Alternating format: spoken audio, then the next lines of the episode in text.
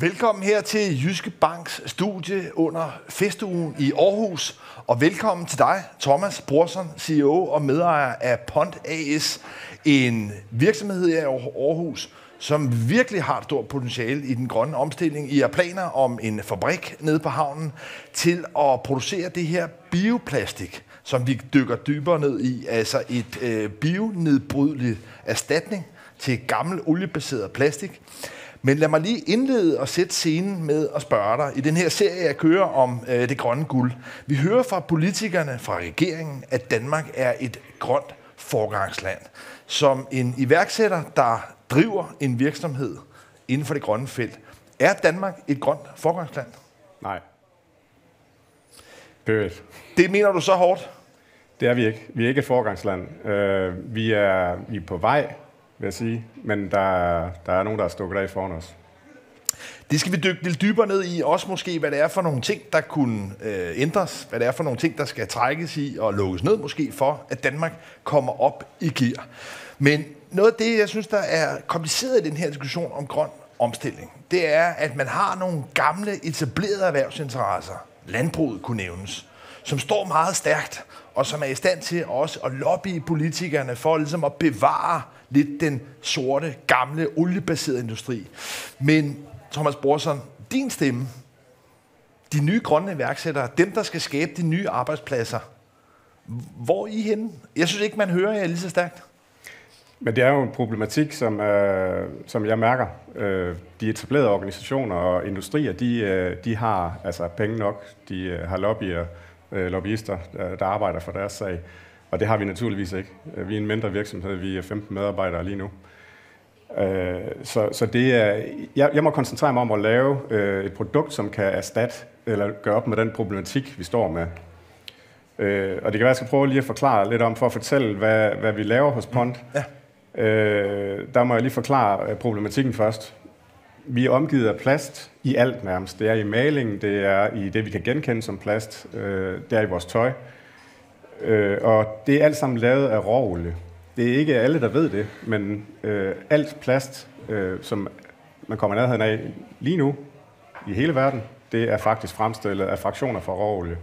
Så man tager for eksempel etylen og laver det om til lange kæder, det er byggesten, øh, som, som findes i råolien, og, og det øh, bliver så til plast. Øh, det, det er faktisk 8% af al råolien, der går til at lave plast af. Det svarer til 180 kæbepyramider, hvis man laver det om i kulstof. Og det er jo et øh, udslip, der kommer fra undergrunden, og som på et senere tidspunkt vil blive brændt af, øh, når vi sender det til stort brandbart og slippe ud i atmosfæren. Så det er faktisk en reel, meget stor problematik. Vi snakker meget om recirkulering af plast. Øh, reelt set så er vi under 5% øh, i recirkulering af plast lige nu, og det er problematisk. At så vi har altså, kan man sige, en kæmpe mængde råolie i virkeligheden, som er i alle vores øh, dipsedutter og ting, og på væggene i maling over det hele, som i virkeligheden bliver brændt af, og man kan sige, at det er sådan set en, en mængde øh, altså, øh, fossilt brændstof, som er mere end hvad der bliver brugt for eksempel på fly, der øh, flyver rundt, som der ellers er en debat om. Men hvad er det så, I tilbyder? Hvad er det, at øh, du og din marker har udviklet til erstatning for den her oliebaserede plastik? I stedet for det sorte kul, der er i øh, råolien, så tager vi øh, det grønne kulstof, øh, der er i planter i brug. Og det interessante ved det er, at planterne de opbygger deres masse ved at suge CO2 ud fra luften. Så vi reverserer lige pludselig hele processen ved at lade planterne være støvsuger for den CO2, der er i luften. Og ved at, lave planterne om til en erstatning for plast, så deponerer vi faktisk det CO2 ved at forbruge produkterne. Og vi kan recirkulere øh, vores produkter øh, på lige vilkår som øh, Men Thomas plast. prøv at forklare mig, du er øh, maskiningeniør, og kan man sige, en af de her sådan, klassiske iværksættere, der næsten er begyndt i en, en, en garage. Men, men prøv lige at forklare mig, hvordan øh, nogle strå fra en mark, altså noget plantebaseret, øh, hvordan det ligesom kan blive til plastik. Altså, hvad, hvad, hvad, hvad er processen? Hvad er det, I har udviklet? Altså, grundlæggende så, øh, så gør vi det, at vi udnytter det, det kulhydrat, der er i planter og det lader vi nogle bakterier spise, de laver laktid. Det svarer til etylenen, vi bruger til at lave plastikposer af. Så bruger vi bare laktid og laver lange kæder ud af det. Og det gør vi så på en måde, så det bliver ret avanceret og, og har egenskaber, der faktisk i nogle tilfælde er bedre end det fossile plastik. Og det gør I her i Aarhus? Det gør vi nede på havnen hernede. Ja. Øh, det, det skaber et, et plaststof, øh, som er klart, og man kunne lave et ølkrus eller et billedglas som det her øh, ud af det. Øh, men det kan også bruges til at blande sammen med naturlige fibre, altså øh, affaldsstrømme fra f.eks. fødevareproduktion. Et godt eksempel er, er den skål her, som er lavet af havreskaller, der, øh, der kommer fra produktionen af havre. Øh, det vil sige, at bunger, øh, børnene kan faktisk sidde og spise øh, havregrød øh, ud af en skål, der er lavet af skallerne. Øh, og det smarte her er, at det har nogle, øh, nogle egenskaber, der gør, at skålen bliver bedre, øh, og, og så bliver den også billigere, fordi det er et billigt stof. Men Thomas Borgsen, lad mig lige forstå jeres øh, forretning, fordi altså, det lyder jo på mange måder forjættende, at man kan erstatte øh, plastik, oliebaseret skål med sådan en her. Men, men, men, men hvor genialt er det? Altså, øh, øh det I har udviklet, er det, har I patent på det? Er det altså, øh, hvor, hvor, hvor enestående er det her produkt? Det er enestående. Vi, vi kan lave egenskaber, som er helt op på niveau med, med det, der eksisterer lige nu. Vi har for eksempel lige lavet et projekt sammen med Novo, hvor vi udvikler en pind. Øh, Novo altså insulinpind? Ja. ja. Den er lavet øh, af ABS, det er det samme, man laver Lego-klodser af. Øh, og de har testet det her recirkuleret øh, 18 gange uden at tabe egenskaber. Øh, så det er et godt eksempel på... Man kan også lave Lego-klodser. Om, man kan også godt lave Lego-klodser af det her. Ja, det kan man også. Eller, nu skal jeg passe på, hvad jeg siger. Øh, det er ikke noget, vi har testet endnu. Nej. Øhm, men altså, vi, vi kan lave ting, øh, det her er et iPhone-kort, det kan man købe på Apple Store, øh, og det er, det er ting, som er, øh, som er lignende det, du kender. Men, men, det, men det er lidt spørg til, det er ligesom, kan man sige, øh, også hvis man sad som investor, I har været ude og, og samle penge. Altså, hvor enestående er det her? Altså, øh, hvor mange andre tilbyder øh, den her form for produkter? Og er det noget, I altså, kan man sige, har, øh, har ophavsretten til? Altså, ja. man, man kan sige, at plastindustrien er jo olieindustrien, ja. fordi at øh, alle råvarerne kommer fra, fra olien, og derfor så har der ikke været en tendens til, at man skulle prøve at skifte over i nogle andre lejre. Altså det, det skal komme fra kælder, ligesom det er kommet i vores tilfælde. Ja. Og, øh, og der er ikke så mange af dem. Der, der sidder nogen i New York, der laver det ud af en kunstig æderkoppespind, og det er stadigvæk på laboratorieskala. Det er smart ved vores... Det lyder lidt Batman-agtigt. Ja, men det, der, der findes nogle virkelig spændende ja. ting derude, og det skal nok blive stort. Ja. Øh, men vores produkt, ja, det har vi øvrigt arbejdet på i 28 år nu, øh, det, det kan skaleres. Altså, vi kan lige nu, i dag, i år, øh, levere, øh, hvad der svarer til 20.000 ton ud af døren. Og så, så begynder det at batte noget. Øh, og, og noget af det, der bliver stort øh, inden for det her, det er, at vi har udviklet en erstatning for polyestertråd. Polyester er det samme som PET, men også laver vandflasker af. Øh, og der kan vi øh, simpelthen, det er testet af, af de helt store brands, og, og der kan vi øh, faktisk lave øh, øh noget, der fuldstændig tilsvarer polyester Altså også sportstøj eksempelvis? Sportstøj. Ja. Øh, og jeg kan sige, at øh, vi lige om lidt kommer ud med, en, øh, med offentliggørelsen af, at vi indgår et samarbejde med et af verdens to største sportsbrands øh, på det her punkt. Det lyder ret lovende. Hvor mange arbejdspladser er der i det her? Fordi det er jo noget af det, der for mig at se, ligesom er et væsentligt balancepunkt, også i debatten om, hvorvidt man ligesom skal gå ind og regulere, og måske sige til landbruget eller cementproduktion og andre de brancher, som udleder meget CO2, at det må man altså bare acceptere som sådan en kreativ destruktion, at der er nogle gamle brancher, der forsvinder, og der så er nye, der vokser frem. Men hvor stor er kan man sige, både omsætnings- og beskæftigelsespotentialet i det her og afledte brancher? Hele verden er presset lige nu på fossil plast. Altså især tøjindustrien, de øh, har fundet ud af nu, at det, man kalder recirkuleret plast, øh, polyester, det, øh, det er svært at få fat i. Øh, prisstigningen, den går ret stejlt lige nu. Derfor er det interessant det her. Det er potentielt et volumen, der hedder 400 millioner ton plast om året. Så, så der er et kæmpe potentiale i det her, også på dansk eksport. En ting er, er hvad vi øh, kan, skal have arbejdspladser for at drive vores forretning, som jo egentlig bare er en hemmelig sovs, man tilsætter. Det øh, kulhydrat, der bliver produceret rundt ja. omkring i verden. Vi shipper det bare ud, og så får man det til at virke med vores øh, tilsætningsstof. Øh, der er selvfølgelig potentiale i det rent arbejdspladsmæssigt, men der er afledte arbejdspladser i det her. Og noget af det, der er interessant, det er, at det her det åbner jo mulighed for dansk landbrug for lige pludselig at begynde at få nogle helt nye øh, produkter på hylden. Altså, vi har udviklet en bildør for øh, nogle af de store tyske bilproducenter. Øh, det er højværdiprodukter, så øh, det er helt sikkert noget, som dansk landbrug vil, vil kunne udnytte. Prøv, prøv lige at forklare mig koblingen mellem dansk landbrug og tyske bilproducenter. Hvis jeg tager sådan en bøjle her, den er lavet af græs fra en græsplæne. Jeg slår simpelthen græsset, og så kan jeg sprøjtestøbe en, øh, en bøjle ud af det. Når du sætter den her hemmelige sovs til, som ja. du snakker om, som ja. er den, I har udviklet. Ja. ja. Øh, og den har egenskaber, ligesom det plast, vi kender. Den her, den kan så nedbrydes, bionedbrydes, det vil sige, hvis du taber den ude i naturen, det skal vi ikke. Vi skal samle det her ind og genbruge det igen og igen, så vi holder øh, kulstoffet i et lukket system og deponerer det. Men skulle den forsvinde ud i naturen, og det kan fx være på en skosål, der, øh, hvor man slider øh, skosålen af, det er helt naturligt, og det løber direkte ud i miljøet øh, via kloakken, øh, så genkender organismerne det som øh, føde, og kan dermed nedbryde det, i modsætning til fossil plast. Øh, og, altså, det er en kæmpe fordel. Men, men prøv at forklare koblingen. Altså, hvad er det, dansk landbrug har i dag, som de måske kunne begynde at tjene nye penge på, og som kunne føre til en, en bilder? Altså, hvad, hvad er kæden her? Dansk landbrug producerer fødevarer, øh, og når man producerer et korn øh, ud af en, et bygstrå, så er det kun det lille korn, man bruger. Resten af strået, det kan vi lave en bildør ud af, eller en bil. Altså, vi arbejder faktisk på at bygge en komplet bil også.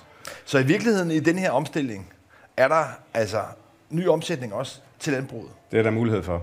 Men, men, men, men lad os lige prøve at tage det teknisk, fordi nu nævner du det her, hvis man taber den her bøjle ude i naturen, det er måske sådan en lidt, lidt atypisk situation, at man har en bøjle med ud i skoven. Men det kunne så være andre ting. Altså den her skål, man er på piknik, og øh, ens barn øh, mister den her. Så siger du så, at den er bionedbrydelig. Men altså, kan jeg tage den her, eller hvis min, nu, min, min datter havde, havde tabt den ude i skoven, vil den så forsvinde? Du kan sammenligne med et stykke træ.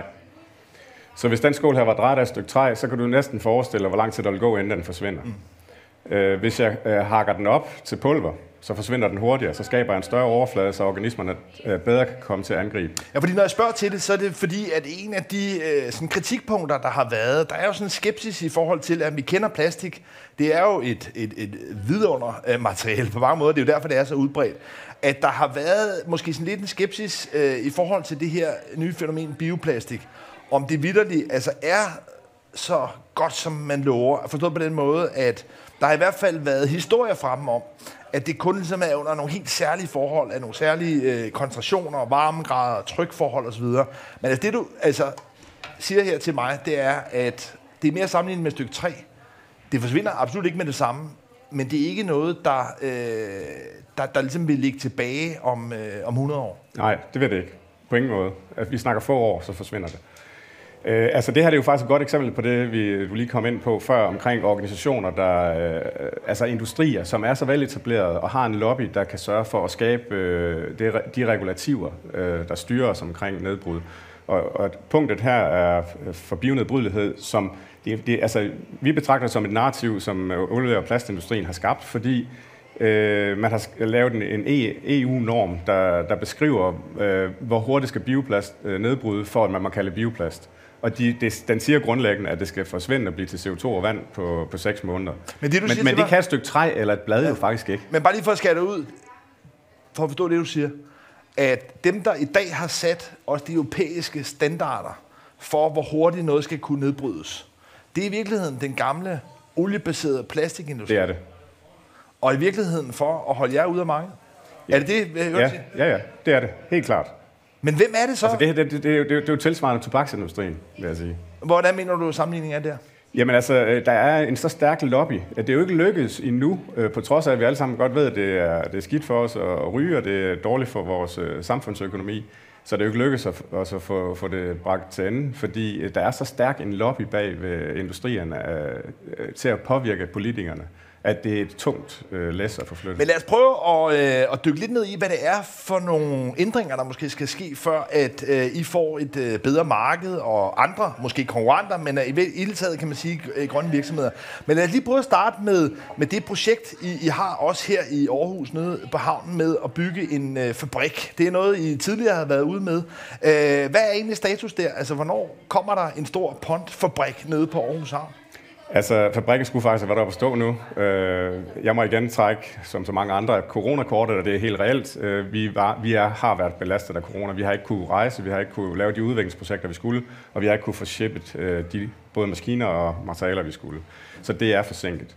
Men, øh, men det er også forsinket, fordi at nogle af de øh, de partnere, vi, øh, vi har arbejdet sammen med, øh, har måttet melde flag øh, omkring, hvor de står henne.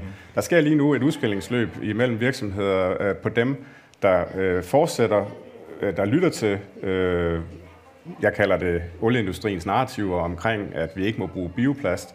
Og der er jo øh, en række punkter, som du selv nævner, der er noget med noget temperatur og sådan noget, det kan ikke nedbrydes, hvilket jeg også godt lige kan afvise. Øh, og, og jeg forstår godt, at man gør det, fordi øh, det er så stærkt, øh, øh, den påvirkning, man får, at både politikere og virksomheder og stakeholders i virksomheder, de, de løber efter det. Men grundlæggende, så skal man øh, bruge sin logik og tænke, skal vi fortsætte med at bruge råolie til at lave vores materialer af? Det er jo det, der har skabt hele vores klimaproblematik. Vi skal jo øh, holde op med at pumpe det ud af jorden. Nu skal vi faktisk have det suget ud af atmosfæren og have puttet det ned som fast stof igen. Det er enormt vigtigt. Men Thomas Bolsen, noget af det, der jo er vanskeligt, det er, at øh, som forbruger, øh, hvis man går herude i gågaden og går ind i en butik, så er det jo altså øh, plastik- og polyesterprodukter, øh, der tilbydes. Så i første omgang skal det jo ligesom være tilgængeligt. Og spørgsmålet er ligesom, hvad det er for nogle øh, ændringer, der skal ske, for at, øh, at markedet på en eller anden måde bliver modent nok. Men jeg kan godt tænke mig lige prøve at holde fast i fabrikken, fordi jeg er nysgerrig på, når man har planer, man har potentialet, man har troen på det, man har også investorer, der øh, vil skubbe det i gang hvad det egentlig er, der altså både holder sådan en fabrik tilbage, og hvad det er, der ligesom, kan man sige, sætte den i gang. Men lad os lige prøve at høre, altså den fabrik, I har planer om nede på, på havnen, hvor stort er det? Altså, øh, hvor stort er det projekt? Altså, den er jo, øh, den er jo designet i moduler, så, så vi, har, vi, vi bygger moduler af 3.000 kvadratmeter, og dem kan vi, har vi plads til 16 af på det stykke jord, vi har fået tildelt på havnen, hvilket jeg sætter stor pris på, at man har den opbakning fra både havn og kommune omkring det her. Øh, så, så vi snakker faktisk potentielt øh, en fabrik, der kan producere øh, plus 500.000 ton årligt dernede fra. Det, det, det overgår altså det totale verdensmarked for bioplast lige nu. Men det skal jo i gang. og jeg skal, have, jeg skal have cashflow, jeg skal have kunderne til at gå på. og så længe der bliver ved med at eksistere en usikkerhed omkring, om vi skal recirkulere fossil plast, eller om vi godt tør at træde herover, så har jeg selvfølgelig en udfordring. Men, men lige på et trapper, altså jeg hørte dig sige, at, at, både havnen og Aarhus Kommune er sådan set opbakende. Der har man på en eller anden måde været med til ligesom, at, og, og, og, og fremskynde det her. Ja. Så, så, så på det lokale plan her i Aarhus, der er der ligesom opbakning øh, til projektet. Men, men, men hvad så, du indledte med at sige her, at Danmark ikke er noget grønt forgangsland. Hvis vi sådan prøver at hæve det op på nationalt niveau, øh, altså med regeringen, Folketinget, de beslutninger, der bliver truffet, eller måske snarere ikke bliver truffet for tiden, hvordan påvirker det jeres forretningsmuligheder? Du kan gå ned til pris. Altså, øh, de beslutningstager, der sidder i virksomhederne, de, vil, de går stadigvæk efter den monetære bundlinje. Det vil sige, de, øh, de har øh, et prispunkt, de skal gå efter. De kigger ikke efter den miljømæssige bundlinje. Øh, så det er svært at få, få lavet den overgang. Og jeg, jeg mener, at den eneste måde, vi kan løse det på, det er ved at lave en, en CO2-afgift. Det vil sige, at Øh, fordi så kom, bliver det konkret kørt ned i indkøbsafdelingen. Jamen, hvis du bruger øh, det belastende produkt, så er det dyrere. Hvis du bruger det her, der ikke belaster, så, øh, så har du simpelthen en besparelse. Og det, og det er, er vigtigt, ja. øh, at, at, at vi får politikerne i gang med at lave, øh, etablere det system, så vi kan få lavet omlægningen. Og det, det, det, det er de svære øh, vælende på. Og det er jo den her altså, store øh, politiske diskussion. Altså, øh, i, I går havde jeg Marie Bjerre, Venstres nye øh, klimaoverfører her øh, i, i studiet. Og meldingen derfra var jo, at man sådan set principielt øh, gerne ville. Nu vil man lige afvente det øh, udvalg, øh, ekspertudvalg, der er i gang med øh, at undersøge det med professor Michael Svare øh, i spidsen, jo også her fra, øh, fra Aarhus Universitet. Øh, og så må man ligesom se, hvilket niveau det skal være, og man har også nogle øh, kan man sige, forbehold i forhold til, hvordan det kan ramme øh, altså både landbruget og, og cement osv. Men, men for at gøre det konkret, så må man jo sætte nogle priser på. Og i dag har vi sådan set en lille beskeden øh, CO2-afgift, man kan se i landene omkring os. Der har man haft mod til at hæve den øh, CO2-afgift, for eksempel i Sverige. De miljøøkonomiske vismænd har været ude og anbefale 1.500 kroner, som jeg ikke engang tror, der er politisk opbakning til på Christiansborg. Men det siger du faktisk, det er slet ikke nok. Hvor højt skal sådan en øh, CO2-afgift op, før det batter? Jamen, jeg, jeg kommer med, med et ret bestandt øh, øh, udtalelse om, at vi ikke er forgangsland. Og det er vi ikke, fordi der er lande omkring os, der tør at, at gå skridtet videre. Altså, vi er et ressourcestærkt land. Vi har råd til at gå foran, og det skal vi. Vi skal vise vejen foran. Jeg mener ikke, at øh, hvis du tager på plastprodukter, at 1.500 kroner det får en effekt på folks beslutning, når de står i butikken og skal vælge. Det er simpelthen det, man er nødt til at kigge på. Det her det handler ikke om, hvad, hvad føler vi som politikere, vi tør at sige som tal øh, ud til offentligheden og til vores vælgere. Det her det handler om, hvornår får det en effekt, så vi øh, går fra de belastende produkter over til de, de miljøvenlige produkter. Og jeg er oppe i 3.000 kroner tonnet. Men prøv lige at forklare mig ting, fordi det er jo ikke nogen ny ting, at øh, forskellige brancher gerne vil have politikerne til at træffe beslutninger, der ligesom er gode for deres øh, produkter og måske skader deres øh, konkurrenter. Og det er jo lidt den, kan man sige, balance, hvor man, som du indleder med at sige her, at man har sådan set en meget stærk olieindustri, som ligesom har fået sat reglerne, sat standarderne, og også kan man sige, visker politikerne i øret, at de ikke skal gøre for meget.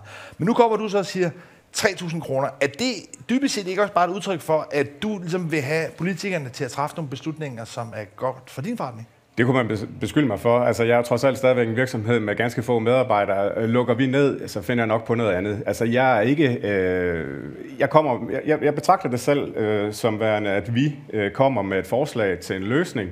Det er noget, vi har, vi har gået og rodet med hjemme i kælderen, øh, og, og, og pludselig så står det her. Det fører et kort af NASA i 2015 til at være blandt de 10 største innovationer i verden lad os nu komme i gang med at lave det. Det er meget men, imponerende med så bare Men hvis ikke jeg får opbakning til det øh, fra samfundet, jamen, øh, så finder jeg på noget andet. Altså, det skal gribes, det her. Men, men fordi, altså, det jeg kan lade med at tænke på, det er, at man taler meget om i forbindelse med at indføre sådan en CO2-afgift, at det kan føre til, at, øh, at noget af landbrugsproduktionen, for eksempel, eller cementproduktionen, kan flytte til andre lande. Jeg ser også en anden fare. Det er, hvis man ikke hurtigere træffer beslutninger, ja, så kan der være enten at din virksomhed, selvom at Aarhus byder jer velkommen og faciliterer det, så kunne det være lige pludselig, at, øh, at virksomheden måske kunne få bedre vilkår i Sverige eller Norge eller andre steder. Men det kunne også godt være, at øh, nogle konkurrenter gjorde det. Så man kan sige, altså hvad er den her balance? Altså hvor, hvor, hvor lang tid kan en virksomhed som jeg egentlig overhovedet tro på at være i Danmark? Altså, vi har faktisk som udgangspunkt sagt, at vi vil være danske, vi vil være, fortsætte med at være etableret i, i Danmark, men vi har været nødt til at bøje på det. Vi har simpelthen ikke investorer, øh, investorgrundlag i Danmark til at, at lave øh, det produkt her. Altså, det er, det er investeringstungt. Øh, så, så jeg er bange for, at øh, vi kommer til at, at, at kigge til udlandet, uanset hvad. Og hvad er det for nogle steder, man kigger sig hen? Jamen, det, øh, det, det, det kan være mange steder. øh, Øh, det, det, det kommer an på, øh, hvor der er nogle folk, som ved det her oprigtigt, øh, og som øh, har læst øh, advarselstegnene øh, og, og godt kan se, at øh, vi skal over i den her kategori. Hvad, hvad er din forklaring på? Fordi det er noget, der i hvert fald, kan man sige, ligesom, øh, undrer mig, som er sådan et puslespil, hvor jeg ikke rigtig kan få brikkerne til at hænge sammen. Det er, at på Christiansborg, der virker politikerne til oprigtigt, når jeg taler med dem, at mene, at man i Danmark har truffet nogle modige beslutninger. Man har vedtaget den her klimalov, man er i gang med nogle handlingsplaner. Ganske vist er der ikke sket så meget, men, men man har en selvopfattelse af, at man har truffet modige beslutninger.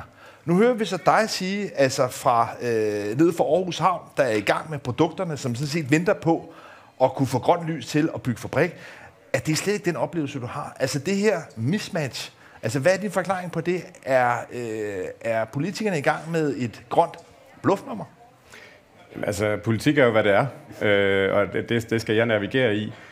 Jeg laver produkter, og, og de bliver kun succes, hvis brugerne de køber dem. Øh, og, og det kræver altså nogle bestemte vilkår, hvis jeg skal hamle op med de eksisterende industrier. Mm. Så det er jeg nødt til at få opbakning omkring. Øh, ellers så kommer vi ikke videre. Så kan vi fortsætte med at lave øh, politik og, og have intentioner osv. Jeg, jeg, det går bare for langsomt. Og, og det, det, siger, det viser alle rapporter, der kommer senest nu her. Det, det, det går, altså, vi, skal, vi skal til at handle nu. Øh, så vi kan ikke øh, bruge forsigtighedsprincippet fra politikers side. Nu skal vi lige øh, måle lidt der og afveje lidt der. Og lige, mm. altså, vi er nødt til at våge og træde ud og sige, nu giver vi det her et skud. Så jeg opfordrer til, at, at man er meget mere aggressiv i sine beslutninger omkring at give sådan noget som det her en mulighed. Men, men mere måske her afslutningsvis, altså... Øh jeg var inde på det lidt før, men, men jeg kan godt tænke mig at prøve måske at tvinge dig til at blive lidt mere konkret i forhold til det. Altså, hvor mange arbejdspladser, ikke kun kan man sige for jer, I er 15 nu, og man kan sige, hvis, hvis I bygger øh, det første modul, og andet, og tredje og fjerde modul nede på havnen med fabrikken, så vil det selvfølgelig være øh, noget, der vokser hurtigt. Men hvis man kigger også på mange af de følgeindustrier, altså andre typer af virksomheder, som udvikler også nye originale produkter, som giver forbrugerne mulighed for at øh, leve bæredygtigt. Hvor stort potentiale er der? Altså, øh, fordi det, det, det er jo på en eller anden måde den afvejning, at vi har de gamle industrier, som jo giver omsætning, som mange steder også ude i de mere tyndt øh, befolkede egen del, øh, del af landet, giver arbejdspladser, giver liv. Altså, hvor stort er det her potentiale? Jamen, hvis vi kigger på landbruget, så, så mener jeg, at jeg, jeg er selvfølgelig tilhænger af, at vi tager en gradvis øh, omstilling af landbruget, men, men vi skal have nogle, nogle af de unge bønder ind øh, og begynde at dyrke det her. Altså, øh, de skal tænke helt anderledes nu. Vi skal have dansk landbrugsjord tilbage til urskov, en del af det i hvert fald. Vi skal til at dyrke vertical farming. Vi kører lige nu et forsøg sammen med en amerikansk øh, pige, øh, på at dyrke andemad i, i kar, der ikke er højere end det her. Vi kan lave 100 lag op i højden og, og køre døgndrift, og så, så skubber vi simpelthen bare CO2 af øh, og laver det om til de produkter, øh, vi, vi normalt ser som plast. Øh, så noget skal vi have gang i. Altså, det kan ikke gå hurtigt nok. Vi kan stille sådan en fabrik op, der laver andemad ved siden af Aalborg Portland, så kan vi lede al CO2 ned igennem, og så står de der planter surt ud og laver Men prøv, prøv, prøv at forklare det, fordi det, det, det lyder jo sådan lidt øh, geogirløs, øh, eller Storm P-agtigt. Men altså, i virkeligheden ved at have nogle store kar i altså vildt mange etager, hvor man fører CO2'en fra skorstenen i virkeligheden ned, og skaber alger, skaber andemad, som du siger, ja og, og, og, og der kan man så tage det og, og lave det om til altså hvad som ja. helst. Og, og, og det, er, det er teknologi, der, der er helt konkret. Altså, vi har udviklet den her teknologi. Den er godkendt ja. af, lige om lidt vil, vil det blive offentligt, ja. af nogle af verdens største sportsbrands. Ja. Øh, vi, vi kan lave produkter. Øh, bilindustrien. Øh, altså, vi kan lave det her nu. Øh, men, og, men, og, dyr, og dyrke øh, ja. råvarerne er jo en omstilling, hvor jeg mener, at dansk landbrug har en, en, et potentiale for at, at være verdensledende men, men, men, ved at omlægge Men, men jeg godt tænke mig lige bare i, i forhold til det her, som jo er en, også en vigtig politisk balance mellem på den ene side, man har sådan en lidt det, man kunne kalde en socialdemokratisk løsning, som er øh, med støtteordninger og puljeordninger og alt mulig regulering. Og så har man så over for det en mere markedsdrevet løsning, som i virkeligheden er meget baseret på den her CO2-afgift og en høj CO2-afgift, vel at mærke.